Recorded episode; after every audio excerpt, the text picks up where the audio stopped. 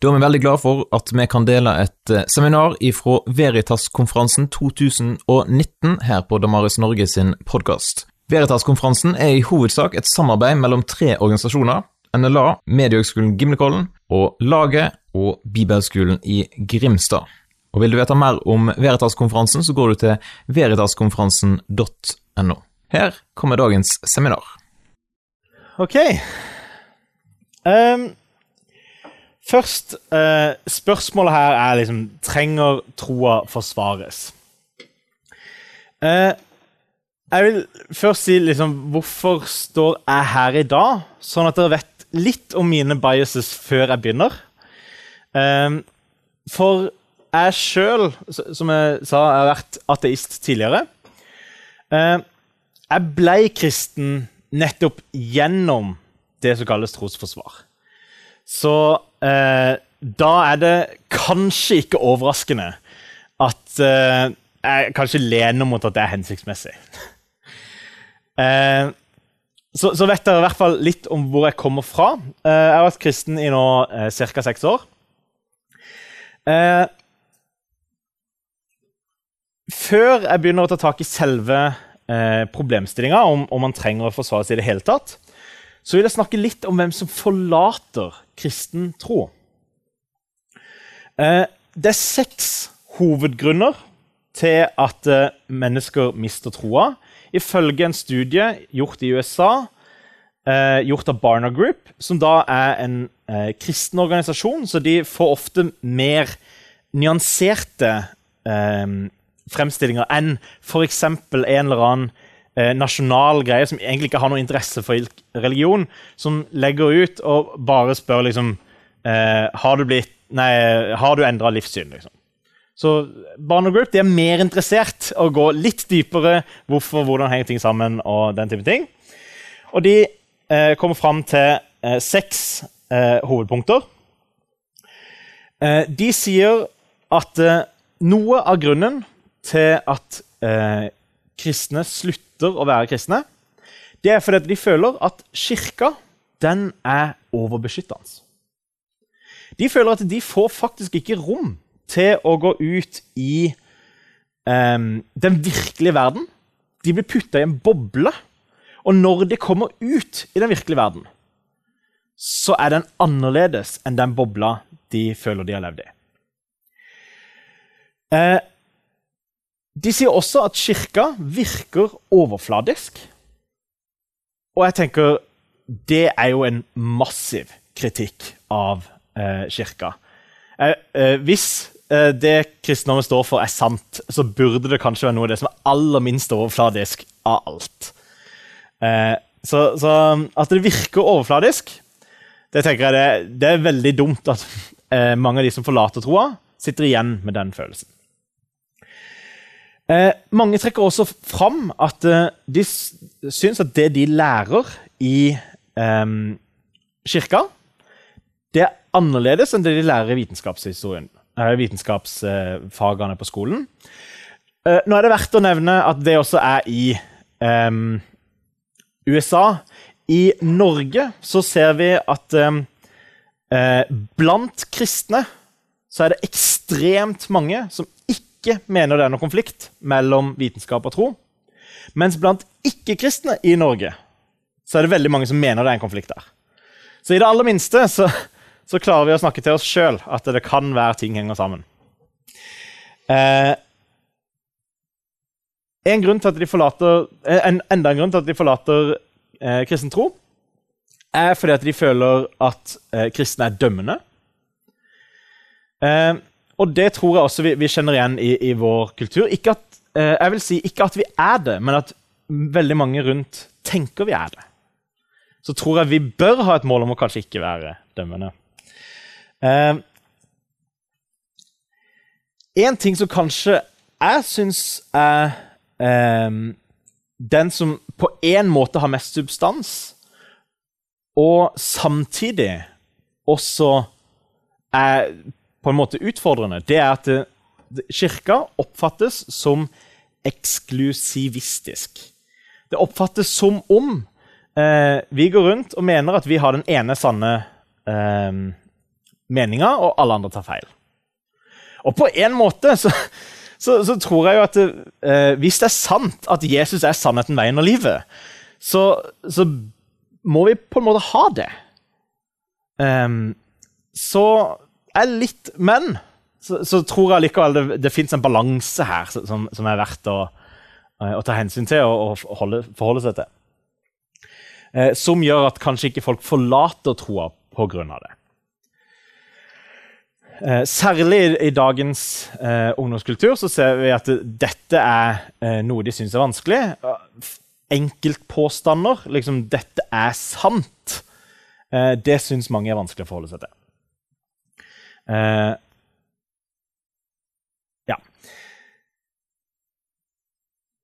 Ifølge eh, Barna-undersøkelsen så eh, er det også mange som slutter å være kristne, som sier at eh, i kirka så virker vi uvennlige mot de som tviler. Det er ikke rom for å tvile.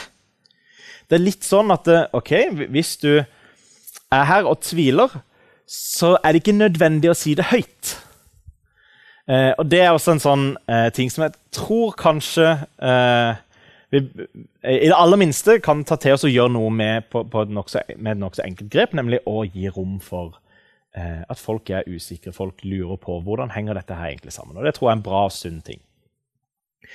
Så er det også gjort et eh, studie her i Norge som er av en helt annen kaliber. Eh, den første her, den dekker liksom 5000 mennesker i dybdeintervju.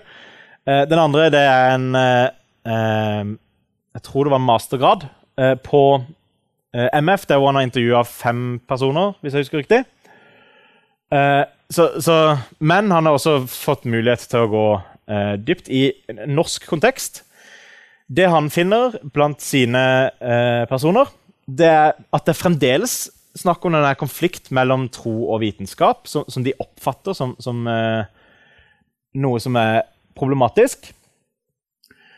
Eh, også i møte med eh, gudsbildet så, så eh, sitter de med et gudsbilde som vanskelig møter ting som ondskap.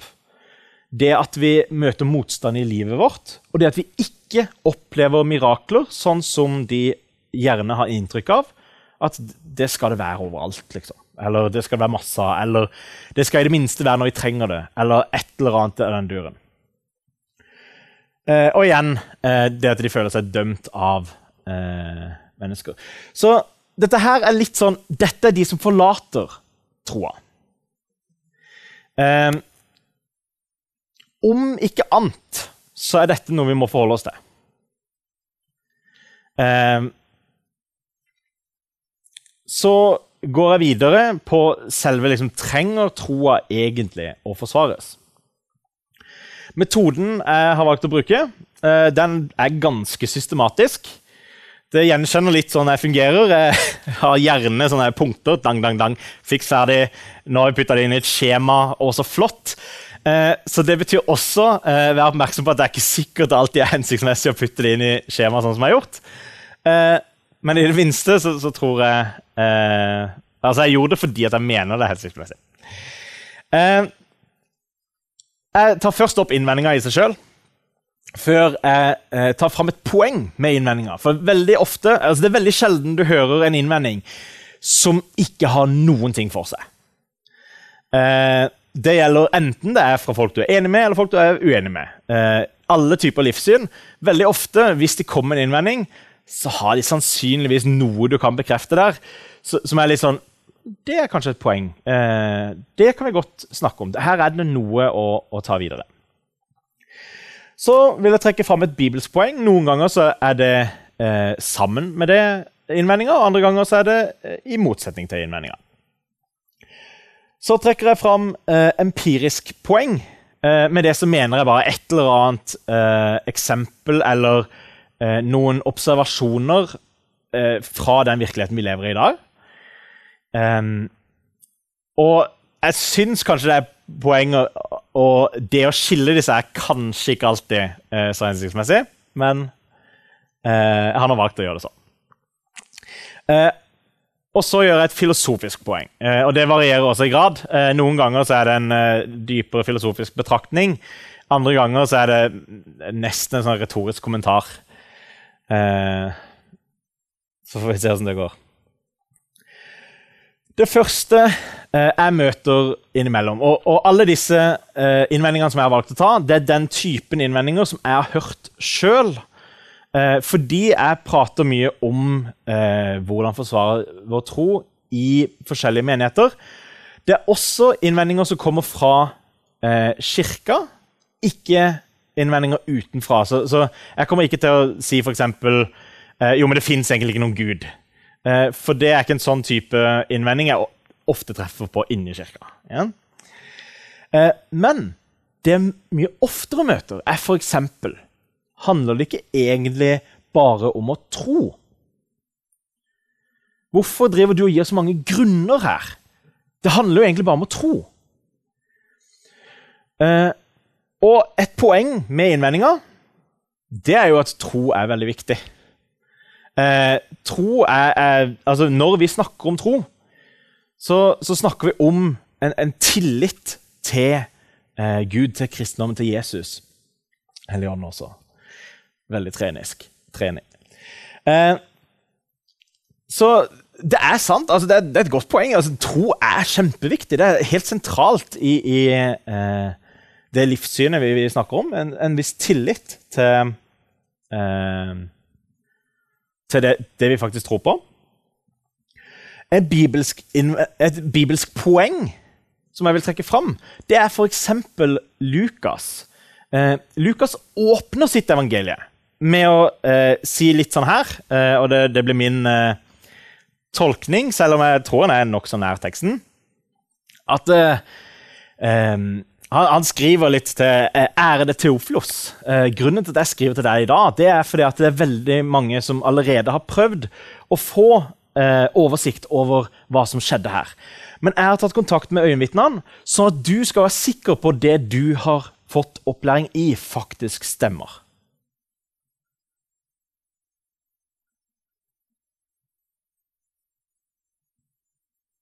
Og det høres ikke ut som en slags handler det ikke bare om å tro. Det høres for meg ut mer som en velbegrunna tro. Han, han, har jo undersøkt er dette her sånn. Stemmer det? Og um, et sånn empirisk poeng er at det er faktisk Dette er den typen um, innvendinger som mange faktisk forlater kristen tro fra.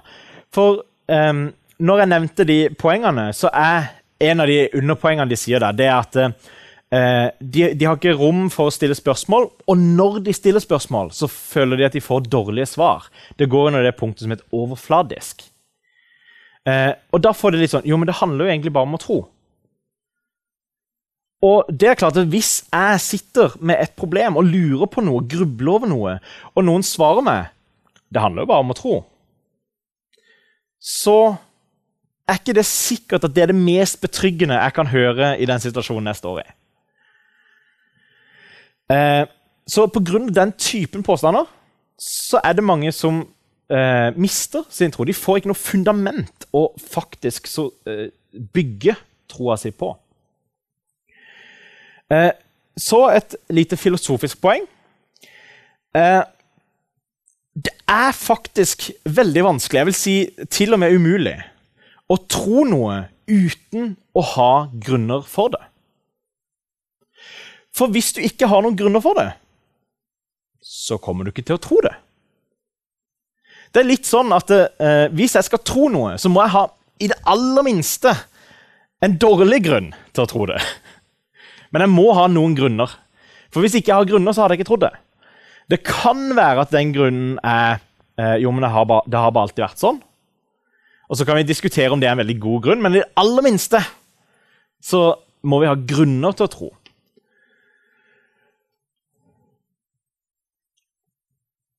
Eh, så er det mange som eh, møter meg, og så sier de litt sånn eh, Etter at jeg har eh, holdt et foredrag, eller noe sånt, så sier de eh, Men det høres litt ut som om du egentlig eh, prøver å vite dette her. Men egentlig så skal vi jo bare tro. Og eh, et poeng med den innvendinga det er at det er faktisk en del som er utenfor det vi forstår. Jeg vil si Det gjelder i troa, det gjelder utenfor troa, det gjelder i alle mulige sammenhenger. Det er mange ting som både kan være sant, og som vi ikke forstår. Eh, for eksempel eh, så syns jeg eh, Hvordan Jesus døde for oss det synes jeg, Selv om jeg har fått mange gode bilder, og, og så jeg føler jeg på ett nivå forstår det, så syns jeg på noen andre nivå så er det faktisk ganske vanskelig å forstå hva det egentlig som skjer her. Hvordan fungerer dette? Um, så ofte så handler det også om forskjellig nivå. Uh, et bibelsk poeng her, uh, som mange ofte trekker fram når de sier dette her, det er fra Johannes 20, helt mot slutten av Johannes evangeliet. Så hører vi om Thomas tvileren. Og eh, Da tar jeg og leser det i stedet for å reformulere det. Eh, så sier Jesus til Thomas.: Kom med fingeren din og se, her er hendene mine. Kom med hånden og stikk den i siden min. Og vær ikke vantro, men troende. Så sier Thomas, min Herre og min Gud. Og Jesus sier til ham, fordi du har sett meg, tror du. Salige er de som ikke ser, men allikevel tror. Så sier de jo, men her ser vi jo at det, det, det handler ikke om grunner. Det er faktisk dårlig med grunner, vil noen si. Eh, jeg vil si, når jeg, når jeg, leser denne teksten, så eh, vil jeg si at det, det, jeg leser, det er en mer sånn eh, faktisk påstand. Litt sånn Jo, men, det er faktisk vanskeligere for de som ikke bare kan ta på meg og tro. Det tror jeg gir denne teksten veldig rettferdighet. Særlig gitt i lys av fortsettelsen. Der hvor, Jesus, der hvor Johannes skriver Jesus gjorde også mange andre tegn for øynene på disiplene. Tegn som ikke er skrevet ned i denne boken, men disse er skrevet ned for at dere skal tro at Jesus er Messias, Guds sønn og for at, deres, eh, og for at dere ved troen skal ha liv i ham. Så Johannes forklarer at grunnen til at jeg har skrevet ned akkurat det jeg har skrevet ned, det er nettopp fordi at dere skal få lov til å bli overbevist om at dette her er sant, om at Jesus er Guds sønn. Og særlig når det står rett etterpå, som i setninga etterpå, så syns jeg det er litt rart å konkludere med at det Jesus prøver å si, det er at du skal ikke ha eh, grunner. Eller det er bedre å la være å ha grunner enn å ha grunner. Eh, så et litt sånn eh, eh, empirisk poeng. Eh, jeg har enda til gode å møte noen som blir mindre dedikerte fordi de faktisk tror at det er sant at Jesus døde for våre synder og sto opp igjen. Eh, det er ikke noen sånn åpenbar sammenheng mellom det å være lite sikker og det å være veldig sikker, som jeg vil si tro og vite egentlig handler om. Altså, eh, ofte så bruker vi tro og vite i sammenheng med hvor sikkert er det Og eh, da er jo også et filosofisk poeng litt sånn her at det, hva er egentlig forskjellen på tro og vite? Det er faktisk ganske vanskelig å egentlig navigere i. Eh, hvordan henger dette her egentlig sammen? Når sier vi tro, og når sier vi vite? Det ser ikke ut som det først og fremst handler om sikkerhet. For så kan jeg si at eh, jeg tror at eh, det er eh, ganske vanskelig å bo i Eh, Nord-Korea i dag. Men jeg har ingen erfaring med det. Jeg har lest litt sånn overfladisk om det. Jeg har Ikke satt meg veldig inn i det. Men, men jeg, kunne, jeg, kunne, typisk sagt at det var noe jeg visste. Jeg vil si personlig at jeg er mer sikker på at Gud eksisterer, enn at det er vanskelig å bo i eh, Nord-Korea. Men jeg sier jeg tror Gud eksisterer. Så det er ikke sikkert at den alltid reflekterer sånn som veldig mange bruker de begrepene. At eh, vite og tro handler om usikkerhet nødvendigvis. I hvert fall ikke i denne sammenhengen. Eh, mange vil tre trekke fram at tro handler om tillit. Um, og Et sånn klassisk eksempel det er eh, at du står, i av et, eh, du står i et fly, du har fallskjerm, eh, fallskjermen på ryggen, eh, og du tror at den fallskjermen er sikker. Eh, du kan ikke vite, for, for, du kan faktisk ikke sjekke hver eneste millimeter eller hver eneste nanometer for å sjekke at han faktisk er sikker. Eh, men du viser din tillit til, til, det du tror, når du hopper ut. Um, og når du hopper ut der, så håper jeg de fleste ville sagt ja, jeg visste at han var trygg. ja. Eh, så er det mange som eh, påpeker når jeg eh, prater sånn som dette, at eh, jo, men, tro det skapes av Den hellige ånd. Eh, og jeg vil først og fremst bekrefte at eh, Den hellige ånd står bak vår tro. Altså Det er uten gjennom Den hellige ånd at vi kan altså det er uten gjennom Den hellige ånd kan vi ikke bekjenne Jesus som herre i vårt liv. Eh, og um, ja, I Romerne 8-9 så får vi høre at eh, Men det er ikke kjøttet som har makten over dere, det er ånden. Så sant Guds ord bor i dere. Den som ikke har Kristi ånd, hører ikke Kristus til. Så Det betyr at bare det å være kristen, det å høre til Kristus, da er eh, Den hellige ånd i oss. Det er eh, sunn teologi, vil jeg si. Eh, første korinterne eh, sier slik var noen av dere før, men nå er det dere vasket rene, dere er gjort hel, eh, hellige, dere er gjort rettferdige i Herren Jesu Kristu navn og ved vår Guds ånd. Så det er ved vår Guds ånd at eh, vi nå er noe annet enn det vi var før. Eh, et empirisk poeng der, det er at uh, Den hellige ånd her, som skaper tro i meg, trenger ikke å føles overnaturlig.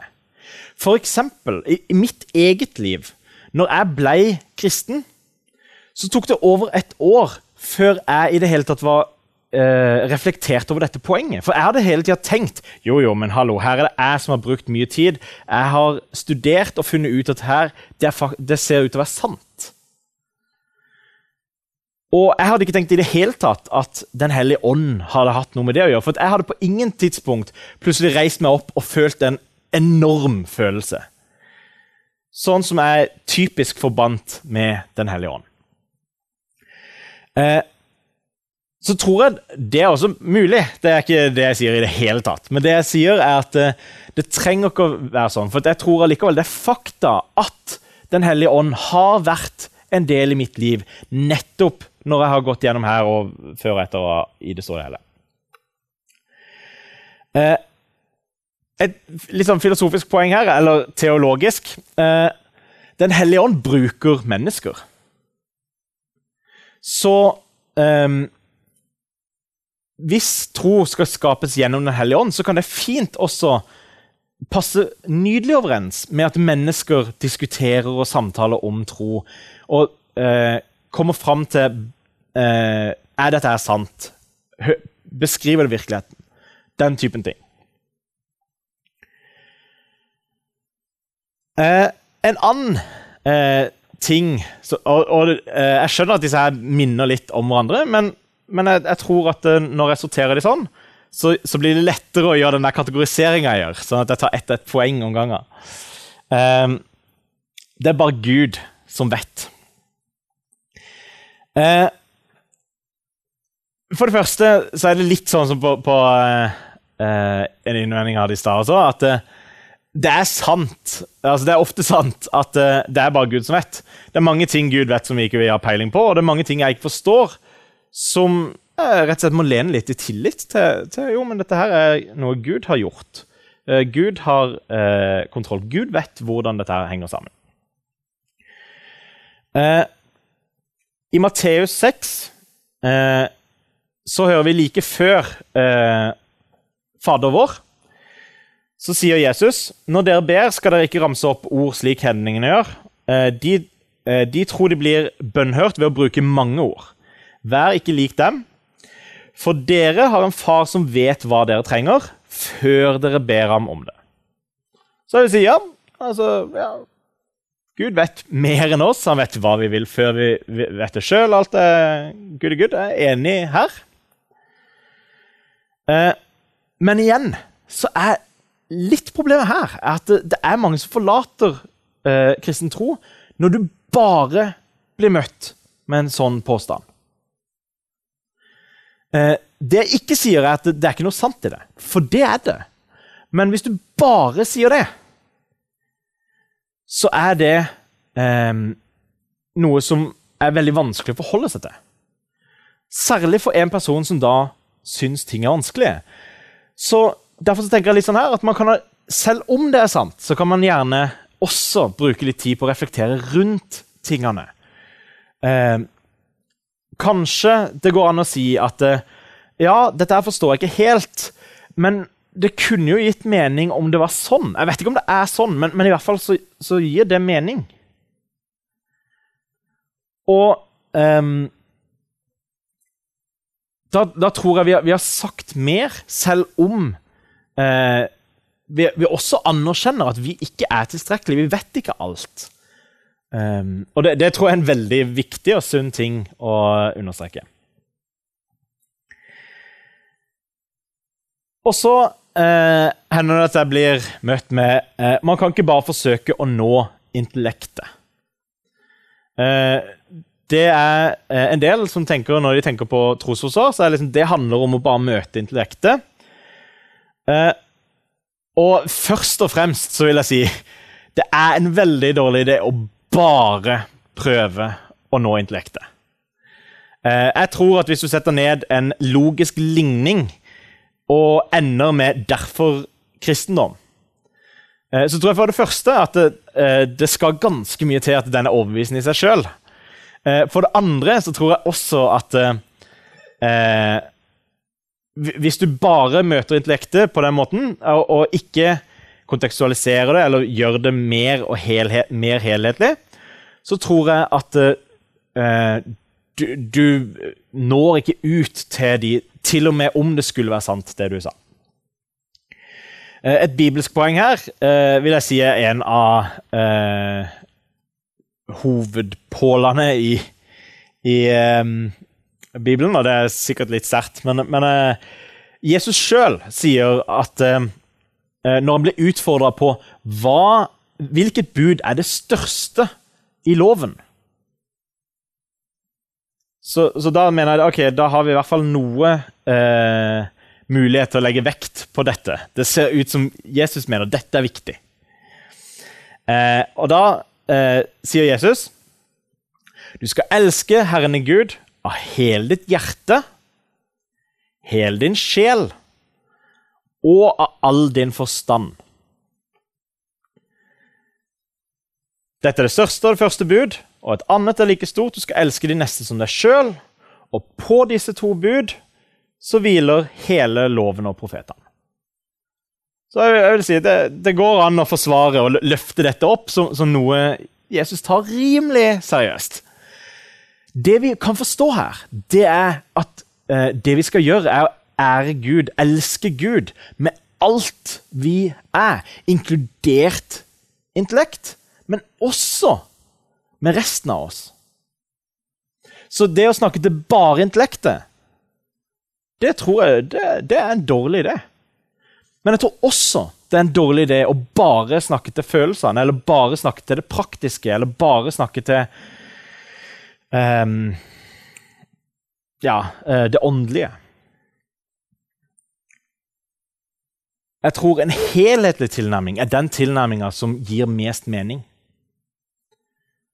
Og jeg tror også det blir en virkelighetsnær måte å nå ut på.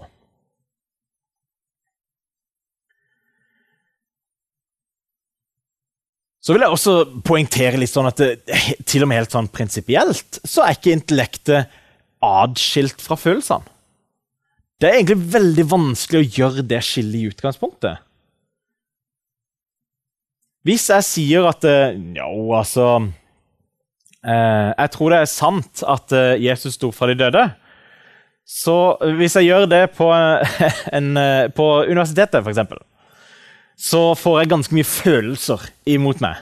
Ganske in instantly. Selv om jeg vil si at det jeg sa, var en relativt faktuell påstand. Det var ikke en veldig emosjonell påstand.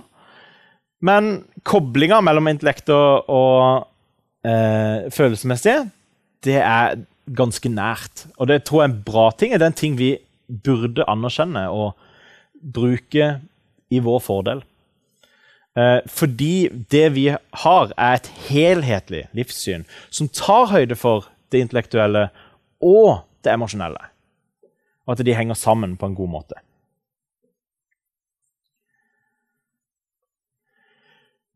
Eh, og så vil jeg også si at godt trosforsvar, eller sunt trosforsvar, det er en sånn type eh, tilnærming som faktisk tar hele mennesket seriøst. Vi har Tidligere i, dag her i dette rommet så var temaet eh, sjelesorg og apologetikk. Eh, og jeg tror det er kanskje et sånt poeng som eh, burde kommuniseres enda tydeligere. At det er to aspekter som henger veldig godt sammen. Det, det er veldig vanskelig å være en god apologet, en god forsvarer av tro, men ikke eh, bry seg om det sjelesørgeriske. Da, da, tror jeg du, du bommer på, på, mennesker.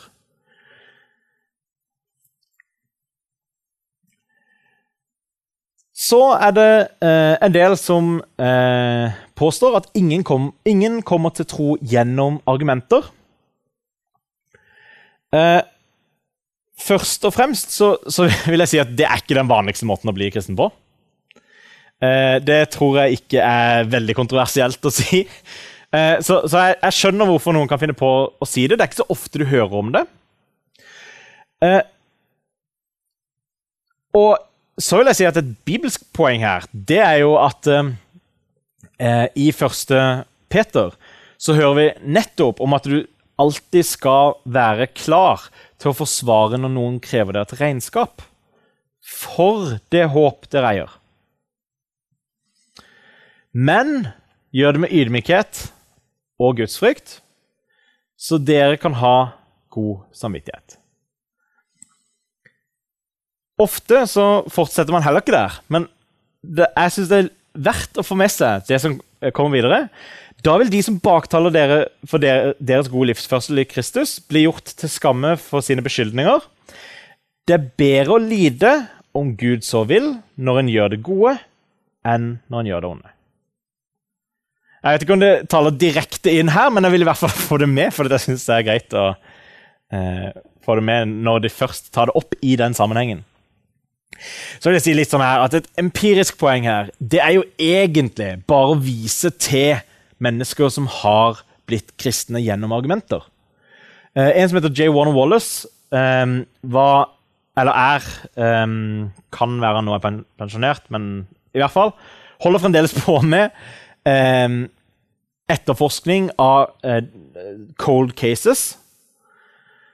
Og når han var voksen, godt voksen, så eh, begynte han å ta de historiske påstandene om Jesus seriøst ved å undersøke dem med de teknikkene han allerede hadde eh, lært seg, og som han allerede hadde blitt en høyt profilert etterforsker på og undersøkte evangeliene og finner ut at dette her er troverdige evangelier. Det de påstår her, ser ut til å ha en kjerne av sannhet. Han vil til og med si at de har veldig, veldig mye sant, om ikke alt sant, til og med. Eh, så er det en eh, professor i filosofi som heter Edward Feaser. Han eh, ble kristen når han underviste i religionsfilosofi og syns at disse her argumentene her, de er så dårlige at det, altså, det kan ikke være noen som mener de seriøst. Og siden han skjønte at det, mm, kanskje disse argumentene er bedre enn det jeg tenker de er nå, så prøvde han å sette seg inn i den, det livssynet og eh, se hva menes egentlig her. Hvor, hvor, er egentlig vekta i disse argumentene? Og det endte med at han sjøl ble kristen. Eh, Alistair McGrath er også en sånn eh, tidligere ateist som eh, studerte biofysikk, tror jeg. Um, ble kristen gjennom å undersøke eh, virkeligheten, som jeg vil si. Eh, og jeg fant ut at det rasjonelle her det er faktisk at kristendommen er sann. Så vil jeg jo også si det at i all ydmykhet så eh, er jo jeg sjøl også et eksempel på en som har sett nettopp på argumentene. Og det var det som gjorde at jeg ble overbevist. Så, så hvis ingen kommer til tro gjennom argumenter, så syns jeg det er veldig vanskelig å forholde meg til, for, for jeg føler det er nettopp det jeg gjorde. Um, og jeg prøvde etter beste evne å være åpen, men skeptisk. Og uh, jeg kan ikke noe annet enn å si at uh, for meg virka det som om jeg var rasjonell og uh, brukte argumenter til å komme til tro. Eh, og så er Et annet sånn filosofisk eller teologisk poeng det er jo da at Gud åpenbart kan bruke argumenter for å få folk til å bli kristne. For all virkelighet er Guds virkelighet. Og da er jo argumentene en del av det. Så, så at Gud eh, ikke skulle kunne bruke argumenter, det ville jo vært veldig rart. Eh, han kan bruke opplevelser, han kan bruke eh, vitnesbyrd, han kan bruke eh, følelser, han kan bruke alt det, men ikke argumenter. Det virker veldig rart. Eh, så, så, om en har en helhetlig tilnærming til eh, det kristne livssyn, så tenker jeg at eh, ja, i det aller minste, selv om kanskje ikke det er det primære, så, så burde det være fint mulig for Gud å bruke den typen verktøy også. Eh, noe jeg ikke møter så ofte, men som jeg har møtt, og som jeg syns uh, var verdt å ta opp, er at mennesker trenger kjærlighet, ikke rasjonalitet. Uh, og jeg, jeg, vil jo først bekrefte at kjærlighet er, er det aller mest sentrale. Altså, uh, jeg vil si Kjærlighet er en av de virkelige grunnpilarene i kristne tro. Eh, kjærlighet er noe av det som gir treenighet mening. Kjærlighet er noe av det som gjør at eh, treenigheten i ut, eller Gud, som skaper av virkeligheten, er en sammenhengende tanke som gir mening. Så kjærligheten er det helt, helt, helt virkelig sentrale for å få eh, kristendom til å gå opp, vil jeg si. Eh, Ja, nå ser jeg at jeg har, feil bibelvers på notatene mine, så jeg tar ikke det i huet. Eh, så det var sikkert et veldig godt poeng, eh, men jeg hopper elegant over det og, går videre til eh, et empirisk poeng. Jeg vil si at sunn rasjonalitet krever kjærlighet. For å illustrere det med et eksempel Når, jeg jeg studerer filosofi på UiA.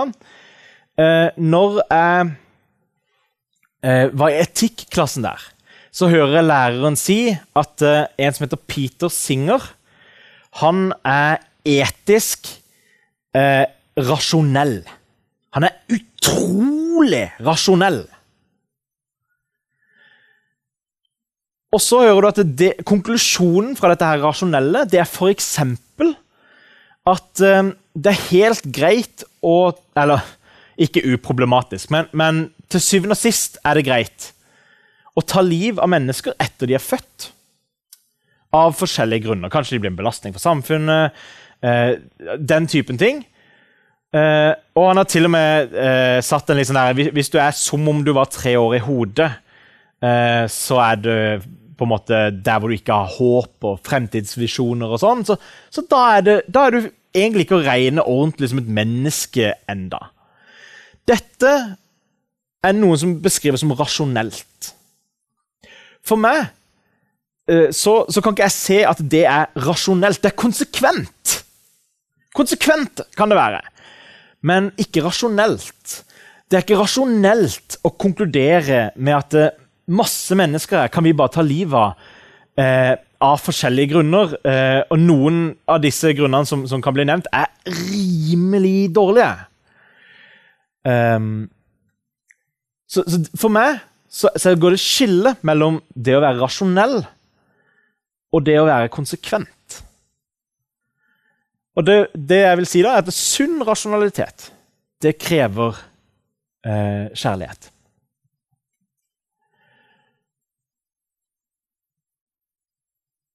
Og det er egentlig bare gjenta det jeg har sagt allerede. Um, filosofi Nei, eh, rasjonalitet. Det er ikke enten rasjonalitet eller kjærlighet. Det ser ut til å være ting som fint kan henge sammen, som er litt sånn den uh, tromma jeg slår igjen og igjen og igjen her. Et helhetlig syn um, så, som tar høyde for mange perspektiver. Det tror jeg er uh, veien å gå. Så er det mange som sier eh, Kan vi ikke bare fortelle om Jesus? Og da vil jeg si Prat veldig gjerne om Jesus. Prat masse om Jesus. Jesus er fantastisk. Det er et veldig godt utgangspunkt til å ha gode samtaler. Eh, jeg vil på ingen måte si at eh, man ikke burde fortelle om Jesus. For det mener jeg det bør vi. Men her har jeg ikke engang en egen bibelreferanse jeg har mer den store historia.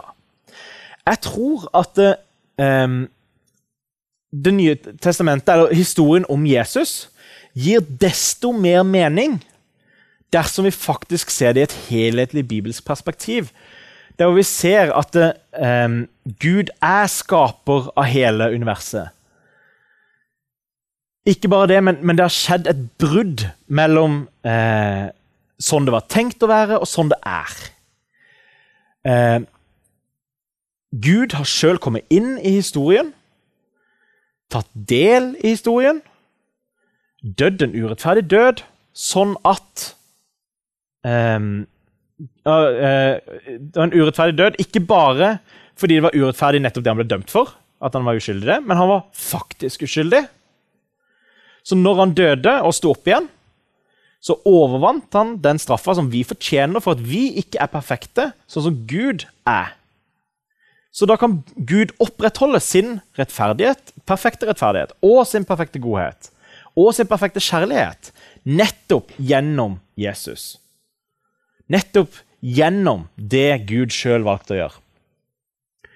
Eh, og dette gir mest mening når vi da også ser det i perspektiv av at eh, Gud skal fullende og skape på nytt eh, sitt skaperverk. Den, når du får hele historien Og jeg vil si på mange måter er Gamle testamentet eh, bare gjentagende bevis på at når vi prøver sjøl, så bommer vi. Vi klarer det ikke, altså vi er ikke gode nok, selv om vi tror det. Til og med når vi føler vi har lært, så, så har vi ikke alltid lært, og osv. Det er det som går igjen og igjen og igjen. Eh, en av mange ting, men det er også det som går igjen. Eh, så, så, det er nettopp i den store historien Hvis du ikke bare snakker om Jesus, da gir det enda mer mening. Eh, og, og, det er jo nokså naturlig. Vi trenger for, forklaring, vi trenger kontekst. Vi trenger å sortere opp i misforståelser.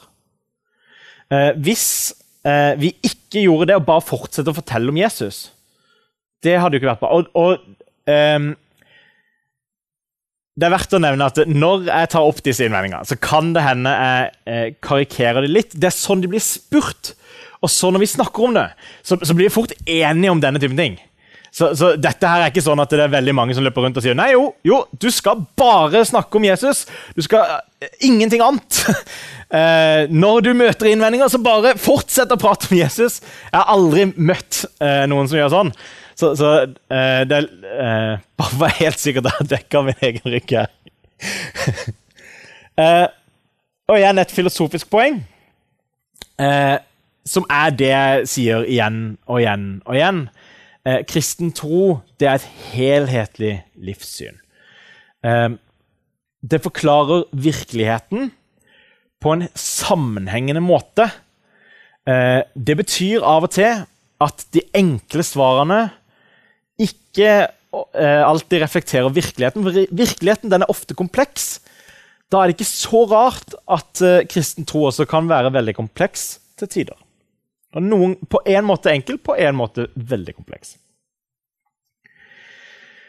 Eh, så er det mange som sier eh, bare la Bibelen snakke for seg sjøl. en klassisk måte å si det på det er litt sånn her at jeg husker ikke akkurat, men, men det handler om å legge Bibelen foran der og la Bibelen eh, kjempe som ei løve, eller noe i den duren. Eh, og først vil jeg si Bibelen er kraftfull. Eh, hvis Bibelen beskriver virkeligheten, så, så er det nokså naturlig at den eh, kan Den er kraftfull. Han eh, kan påvirke oss både i livet vårt i dag, og når han beskriver eh, tida før og sånn, at det kan være relevant for oss i dag. Eh, for eksempel, I fjor så var en eh, av de hovedtalerne som var her, John Lennox. Han har skrevet da, en eh, gigantisk bok om eh, Daniels bok. Daniels bok den er tolv kapitler lang. Eh, hans er 700 sider, eller noe sånt. Eh, og det han egentlig sier der, det er Daniels bok basically beskriver mye av det vi møter i dag. Han er så relevant at det er helt latterlig. Um, selv om det på mange måter uh, er i en ganske historisk kontekst der, uh, for å si det mildt. Uh, ett poeng for å vise at det er ikke alltid det å bare la Bibelen snakke for seg sjøl er hensiktsmessig. Ja. jeg skal bare lese en tekst og la den stå for seg sjøl. Eh, fra Jeriko dro profeten opp til Betel. Mens han var på veien, så noen smågutter komme ut av byen. De gjorde narr av ham og ropte, 'Kom deg vekk, din flintskalle! Kom deg vekk, din flintskalle!' Da snudde han seg og fikk se dem og forbannet dem i Herrens navn. Og to bjørner kom ut av skogen og rev i hjel 42 av barna.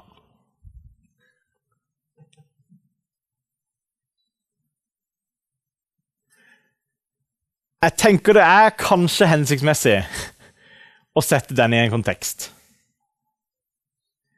Men siden vi bare skal la Bibelen snakke for seg sjøl, så gjør jeg ikke det. Men jeg oppfordrer til, hvis, det, hvis, det, var en vanskelig tekst eh, Det fins masse av dette her på, på, nett, så det er ikke noe problem å eh, finne gode forklaringer på hvordan dette henger sammen. Eh, og litt sånn empirisk eh, Noen tekster eh, krever mer dybde enn andre. Noen forlater eh, ja, noen forlater troa av å lese Bibelen. Når jeg diskuterer på nett, noe jeg gjør en god del, så eh, møter jeg mennesker som sier jo, men bare la de der kristne eh, lese Bibelen, for da mister de troa. Det var sånn jeg mista troa. Eh, så Eh, det er ikke Altså, det argumentet brukes også fra den andre sida, kan du si. Um, ja, og så er det også litt sånn prinsipielt. Det er vanskelig å la Bibelen faktisk snakke for seg sjøl, for vi tolker fra våre perspektiv.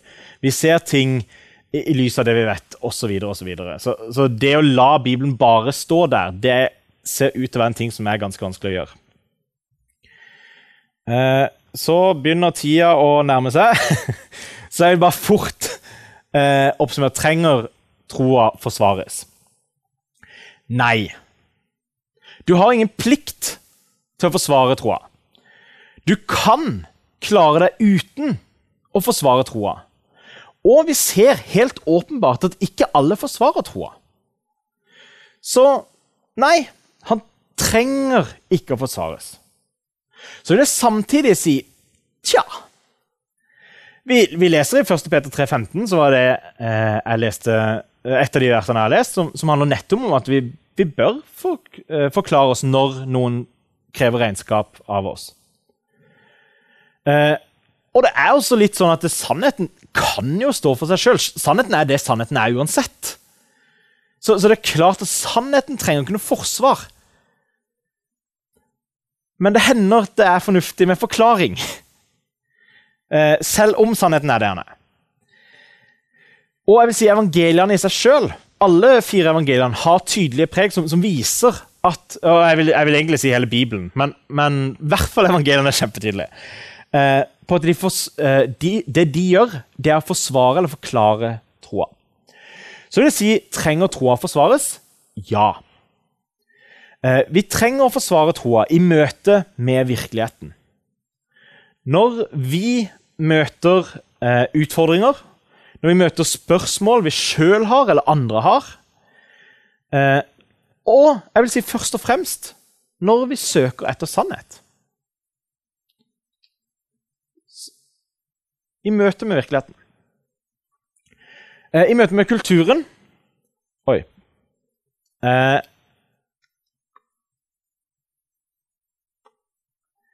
Det handler om å bryte ned murer mot kristendommen. Eh, litt sånn, Hvis noen sier at Jesus ikke eksisterte, så trenger vi faktisk å møte det. Det, det går ikke an å bare la det stå der eh, som en sånn uholdbar posisjon som det i utgangspunktet er. Eh, og i møte med enkeltmennesker. Hvis vi skal møte enkeltmennesker, så er vi nødt til å ta dette her eh, seriøst. Høre hva mener denne personen? Hvordan eh, kan vi bygge bro? Vi ønsker å følge sannheten sammen, eller finne ut hva sannheten er. Eh, og ikke minst eh, som et slags sjelesørgerisk perspektiv. Det å møte mennesker, det eh, gjør vi best eh, når vi forholder oss til virkeligheten på en god måte. Da blir det dessverre ikke tid til spørsmål. Men eh, etterpå eh, vi gjerne å prate med fram til vi fortsetter videre. Hvis dere har noe som eh, det skulle være.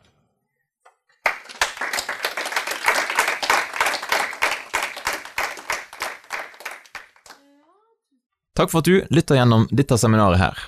Og Skulle du ønske at flere fikk med seg det gode innholdet, ja, da kan du jo faktisk dele seminaret med noen, eller tipse dem om seminaret i sosiale medier.